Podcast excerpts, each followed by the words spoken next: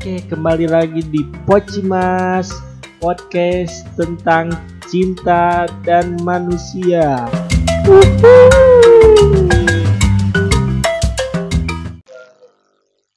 Halo para pendengar, kembali lagi di Pocimas. Kali ini kita akan membahas tentang toksik dalam hubungan berpacaran. Kali ini saya ditemani narasumber ada Amira dan Adel. Hai. Langsung aja masuk ke topiknya ya. Eh, hubungan toksik itu bisa jadi hubungan yang sehat nggak?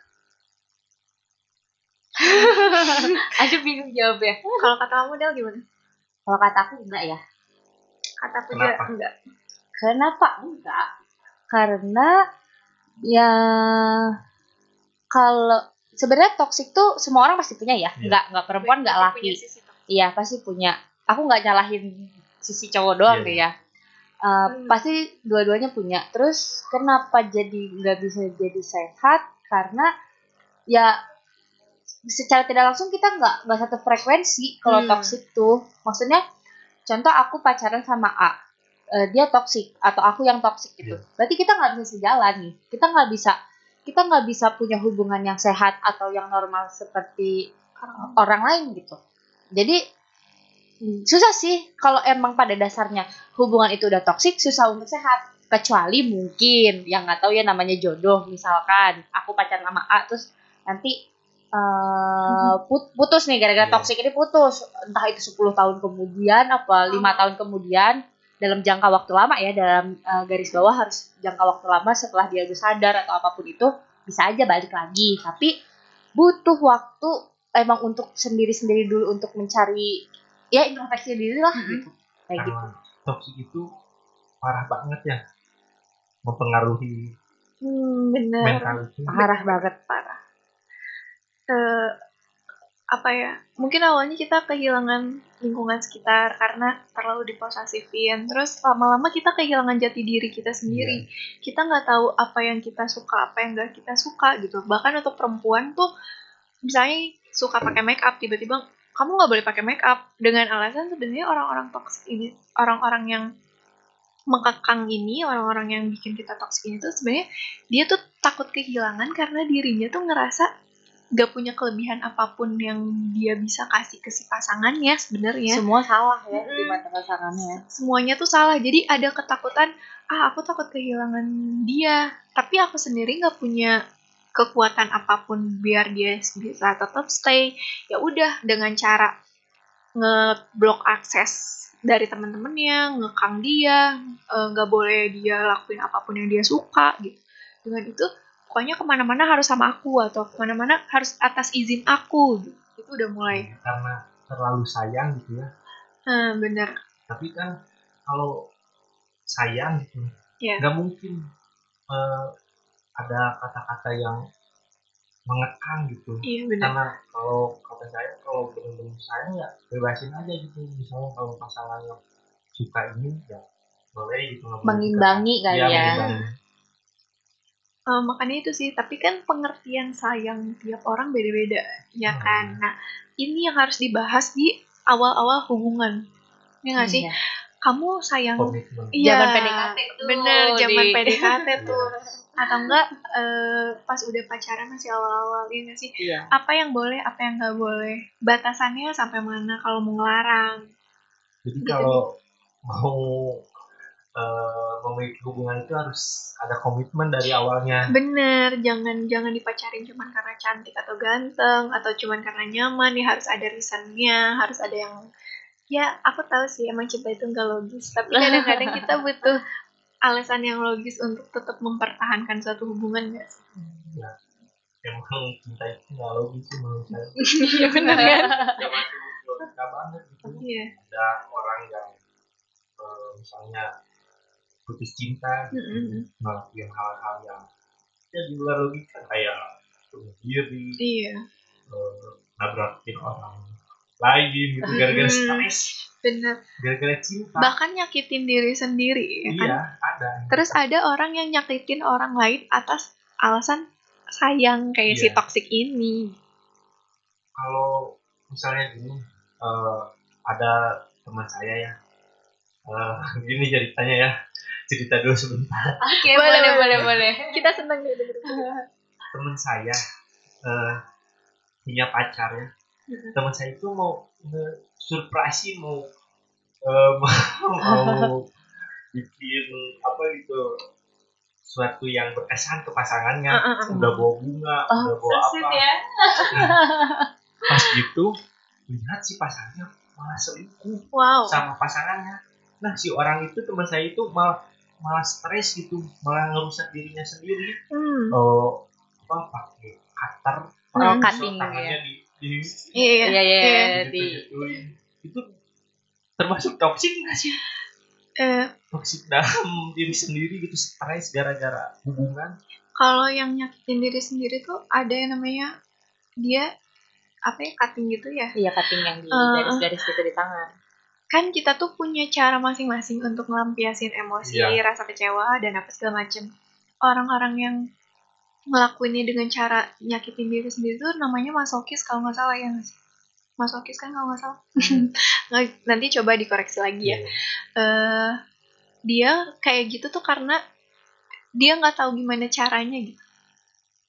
Gak Nggak- gimana, Gimana? cara gimana caranya nih aku aku lagi Ngelampiasin stres ya? banget, nah, aku lagi Oh. stres banget. Gimana ya caranya biar bisa emosinya keluar? Sebenarnya ada cara yang paling gampang sih, gimana nangis. Dengan nangis. Jangan gengsi loh kalau mau Iya. nangis loh. Ini- ini Cowok mungkin juga ke- bisa. Karena karena ini ya, karena ini kali ya. Si cowok ya. Ini cowok ya Iya, yang cowok. jelek. Mungkin karena untuk sebagian cowok tuh nangis, nangis, tuh, tuh, heeh.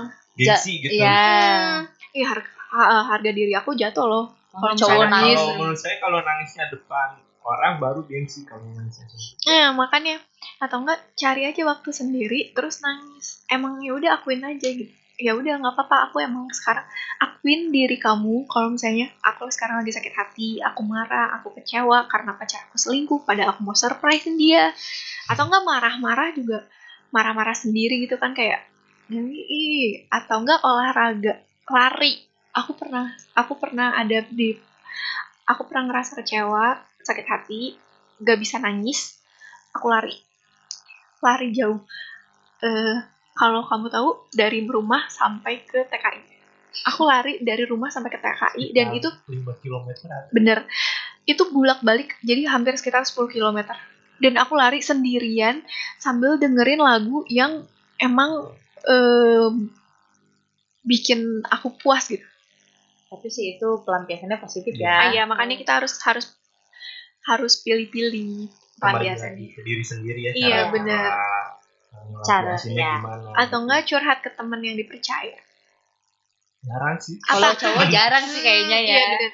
bener banget tapi eh, maaf ya menurut saya juga kalau curhat ke temen ke temen gitu ya curhat ke Mm-mm. temen tapi temennya nggak temen banget gitu Hmm, malah bisa jadi eh, beban juga gitu karena takut dibocorin iya malah. Nanti suka diledekin ya kalau di tongkrongan mah si ini mah ini gitu Hmm. kasihan gitu malah jadi down ke kitanya Iya Iya. beda sih ya. Iya, Maksudnya pergaulan Laki-laki. sama perempuan. kalau kalau curhat juga harus pilih-pilih gitu Iya. Iya, bener-bener Ah, ini nyambung juga nih sama topik kita yang hari ini yang toxic relation pas kita nanti keluar dari toxic relation itu kan kita kehilangan semuanya ya iya kita Pasti emang, galau. eh, emang pasti galau banget dan butuh orang lain buat curhat biasanya yang paling gampang dapet support system kan cewek nih iya Ya, kebayangkan laki-laki ketika dia keluar dari toxic relation, dia bakal lebih eh, sakit sakit sendiri kasarnya.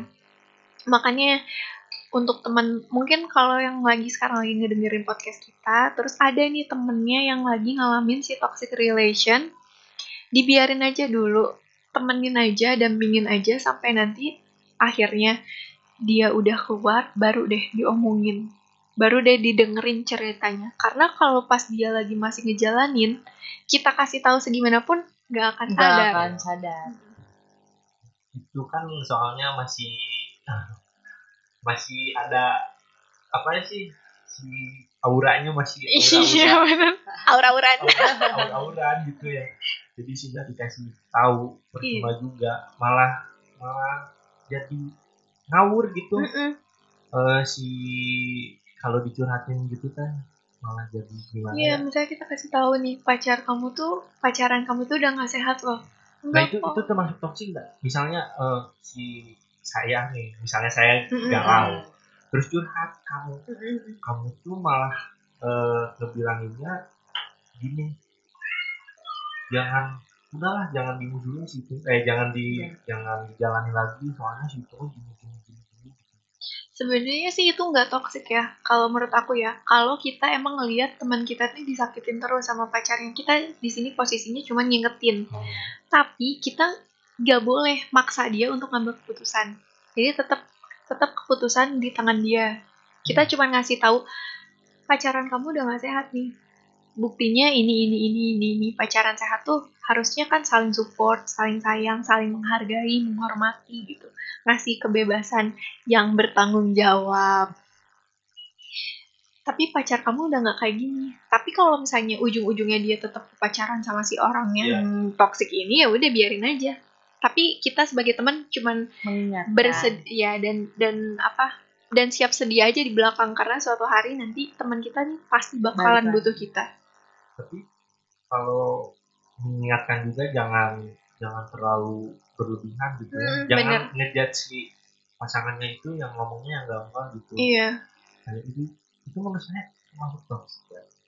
Ah, toksik dalam hubungan pertemanan Hmm. masih nggak eh, kalau misalnya niatnya baik, kayak cuman mau ngingetin doang. niatnya dia ngomongnya yang gampang gitu. Oh, atau nggak- atau niatnya mau ngancurin Iya, hubungannya mau- gitu. ya? iya nah kalau itu sih Iya, kalau itu toksik.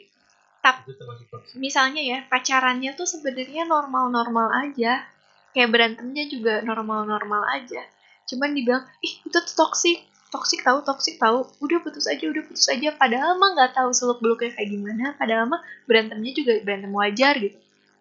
Malah nyuruh putus, ya kata kalau kataku itu toksik. Jangan-jangan temen ya yang nggak mau ditinggal sendirian, iya. iya nggak sih? Gitu kan. terus menurut saya simpel aja sih kalau mau nanggapin toksik itu menurut saya yang mempengaruhi diri kita gitu. Hmm, kalau diri kita udah nggak nyaman gitu udah tahu sih itu tuh dia tahu lah gitu kalau kata sebenarnya nah hidup orang tuh jadi dia gara-gara si dia menurut saya Yaudah itu kalau berarti menanggapi toksik cuma itu doang ada nggak toksik toksik yang yang menurut kamu toksiknya aneh gitu Ini ini dalam hubungan berpacaran ini ini menarik sih ya, ya sih?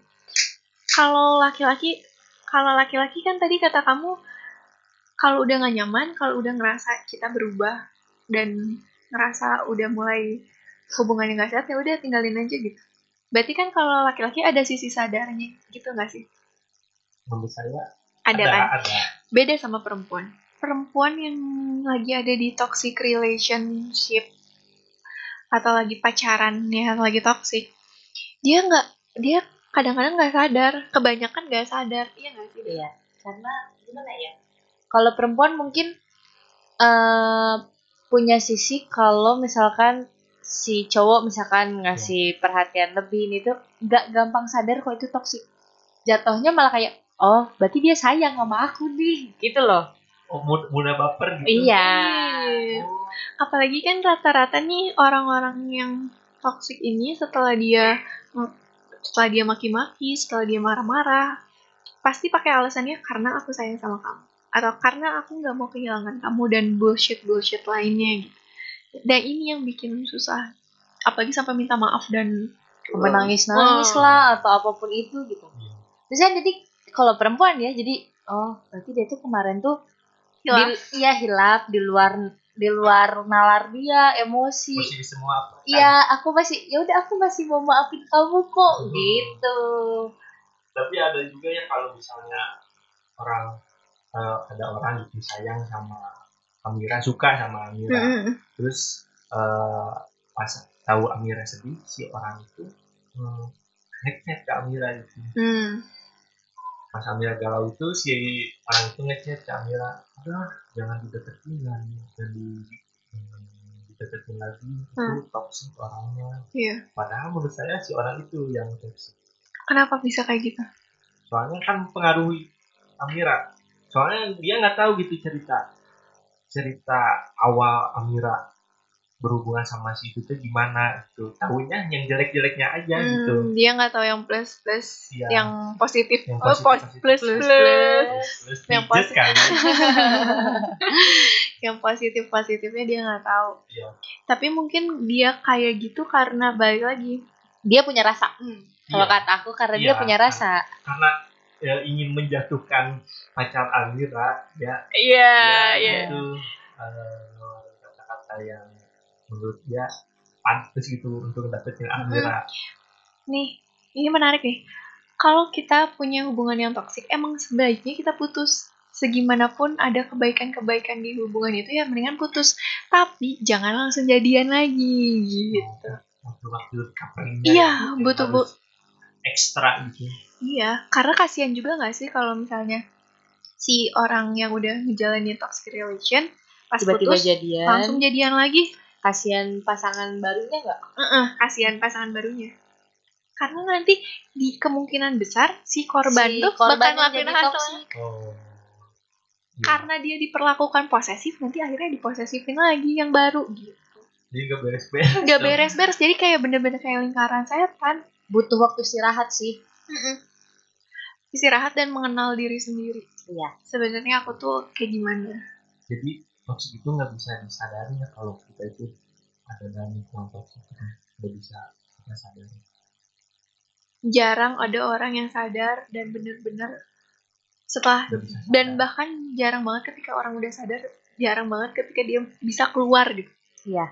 Kalaupun dia sadar susah untuk keluar biasanya. Susah untuk keluar susah. Susah susah karena balik lagi dia masih ngelihat sisi positifnya. Meskipun sebenarnya kalau di kalau dilihat-lihat lagi si negatif negatifnya juga banyak gitu. dan bahkan berbahaya buat dirinya gitu. Jadi intinya kalau si hubungan udah ngebahai ngeba kalau hubungan udah nge, ngebahayain. Iya ngebahayain kita, sendiri. mending- mending mendingan udahan. Mending udah aja stop aja gitu. Kecuali kalau hubungannya masih toksiknya masih nggak terlalu ngebahayain masih kayak posesifnya masih biasa ngelarangnya masih biasa marah-marahnya masih biasa langsung di langsung kita bahas. Iya. Nggak boleh didiemin nggak boleh ya. nggak. Masalah serius toh. Mm-mm. masalah serius banget. Karena bisa mempengaruhi banget. Banget banyak orang yang kehilangan teman-teman dan jati dirinya sendiri karena toksik pertanyaan terakhir nih ya. Wow kita Ya. udah udah udah lama banget ya ngobrolnya.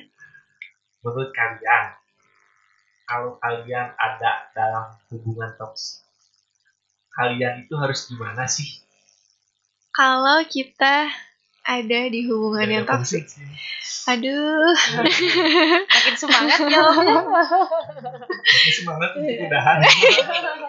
Karena GoFood eh tit Gak apa-apa. Eh, coba kalau Adel dulu. Nah, apa tadi? Kalau aku ada di hubungan toksik Iya, gimana itu cara itu? Eh, cara menanggulanginya? Cara menanggulanginya. Jujur ya kalau dari aku pribadi eh pasti lihat dulu sih tingkat ketoksikannya. Karena gimana ya? Balik lagi ke pembahasan awal-awal tadi kita ya masih ada yang batas wajar ada yang udah parah. Kalau aku pribadi kalau misalnya ada eh, karena belum pengalaman juga ya kalau misalnya ada di pengalaman eh di hubungan toksik ya dilihat dulu sih sejauh mana toksik itu ada di hubungannya terus ya bisa dibetulin atau enggak sama paling kalau emang udah akunya nggak kuat ya. Iya. udah parah banget atau akunya emang udah ngebatin udah kena mental atau apa pun itu atau bahkan amit-amitnya sampai digampar atau apa pun digampar sekalipun kayaknya aku langsung putusin deh langsung ditinggalin. Karena menurut aku hubungan toksik tuh nggak bisa dimaafin sama sekali sih. Mau itu dia fisik ataupun perkataan. Bahkan lebih parah perkataan sih sakit hati eh iya ngerasa nggak percaya diri terus ya mentalnya dia kena gitu. Down banget gitu iya ya. down banget terus ya lebih lebih kalau kalau kata anak-anak sekarang jadi introvert jadinya kitanya gitu kan. Jadi menutup diri. Terus nanti insecure deh. Kalau Amira, kalau aku misalnya aku ada di hubungan yang toksik aku bakalan keluar bakal berusaha keluar. Meskipun aku tahu itu susah aku bakalan keluar terus aku bakalan gali potensi yang ada di dalam diri aku. Dan eh eh, kalau misalnya nanti bakalan balik lagi aku harus pastiin dulu dia benar-benar udah berubah apa belum. Kalau kamu sendiri gimana nih sebagai sudut pandang laki-laki? Iya, kalau menurut saya, kalau saya ada dalam toksik, ya mending eh, rata-rata laki-laki udah tahu gitu kalau mereka ada dalam lingkungan toksik, Hmm. ya mending ngejauh aja gitu. Tapi jarang eh, laki-laki eh, ada dalam lingkungan toksik dalam berpacaran mah jarang. Soalnya kebanyakan laki-laki yang toksik oh ya menurut saya Iya. Eh, kebanyakan laki-laki toksiknya dalam berteman dan Hmm. lingkungan pertemanan. Iya emang bener banget sih. Lebih banyak perempuan yang jadi korban toksik. korban lebih banyak korban menurut saya. Oke. Wow kita udah bahas panjang banget ya. Dimas makasih ya eh, Amira Adel udah bisa berbagi eh, berbagi apa ilmu Cerita. cerita tentang Kita share. dalam berpacaran. Ini. Iya. Semoga Adel dan Amira sehat-sehat terus ya. Amin. Sekian podcast dari kami Nah, jangan lupa dengerin ya. Podcast dari Iya ayo. Dengerin podcastnya yang lainnya juga. Maaf kalau ada tutur kata yang kurang berkenan di para pendengar. Karena kesalahan milik saya kebenaran milik Tuhan yang Maha Esa sekian wabillahi taufiq wal hidayah. Assalamualaikum warahmatullahi wabarakatuh. Waalaikumsalam warahmatullahi wabarakatuh